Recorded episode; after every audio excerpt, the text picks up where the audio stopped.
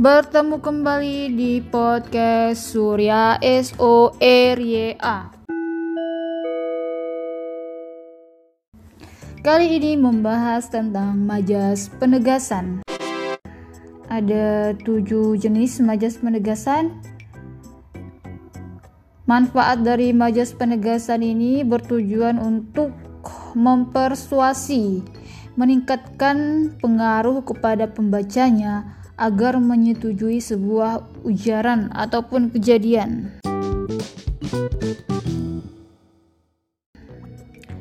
Yang pertama itu ada pleonasme.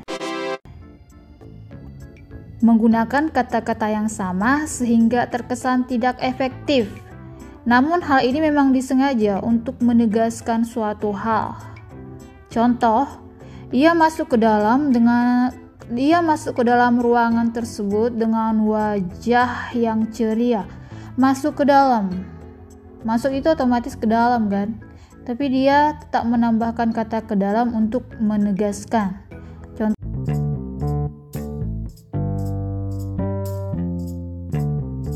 yang kedua misalnya ia naik ke atas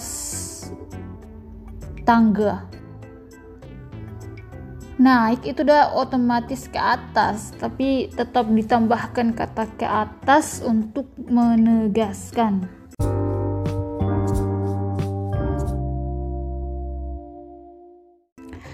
Selanjutnya ada majas repetisi.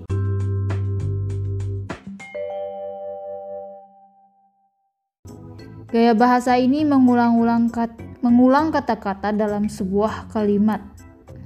Contoh, dia pelakunya, dia pencurinya, dia yang mengambil kalungku. Kata dia diulang-ulang untuk menegaskan. Yang ketiga, majas retorika, yaitu memberikan penegasan ke dalam suatu bentuk kalimat tanya yang tidak perlu dijawab. Contoh, Kapan pernah terjadi harga barang kebutuhan pokok turun pada saat menjelang hari raya? Seperti yang sudah kita ketahui, setiap menjelang hari-hari besar, otomatis harga barang akan selalu naik. Jadi pertanyaan ini tidak membutuhkan jawaban hanya untuk sekedar menegaskan suatu pendapat saja.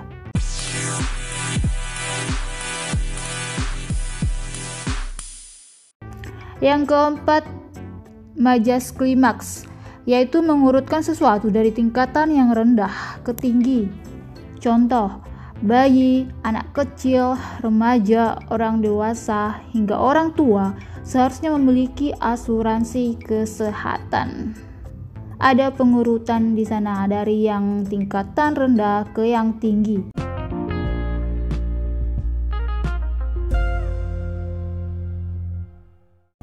Yang kelima ada majas anti klimaks. Itu adalah kebalikan dari majas klimaks. Menegaskan sesuatu dengan mengurutkan sesuatu dari tingkatan tinggi ke rendah. Contoh, masyarakat perkotaan, pedesaan, hingga dusun seharusnya sadar akan kearifan lokal masing-masing.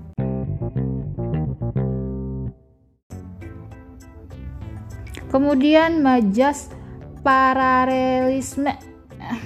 Ini gaya bahasa ini sering digunakan dalam puisi, mengulang-ulang suatu kata dalam berbagai definisi yang berbeda.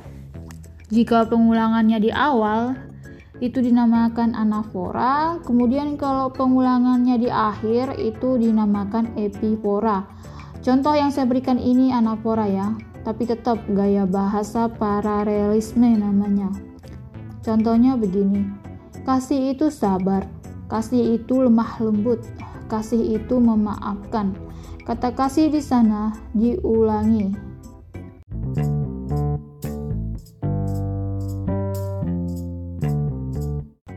Yang ketujuh, majas tautologi yaitu menggunakan kata-kata bersinonim untuk menegaskan sebuah kondisi atau ujaran. Contohnya, hidup akan terasa tentram, damai, dan bahagia jika semua anggota keluarga saling menyayangi.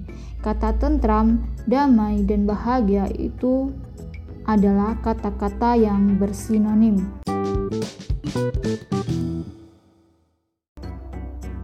Baik, sekian penjelasan singkat mengenai majas penegasan. Sekarang giliran kalian untuk membuat contoh dari ketujuh masing-masing majas tadi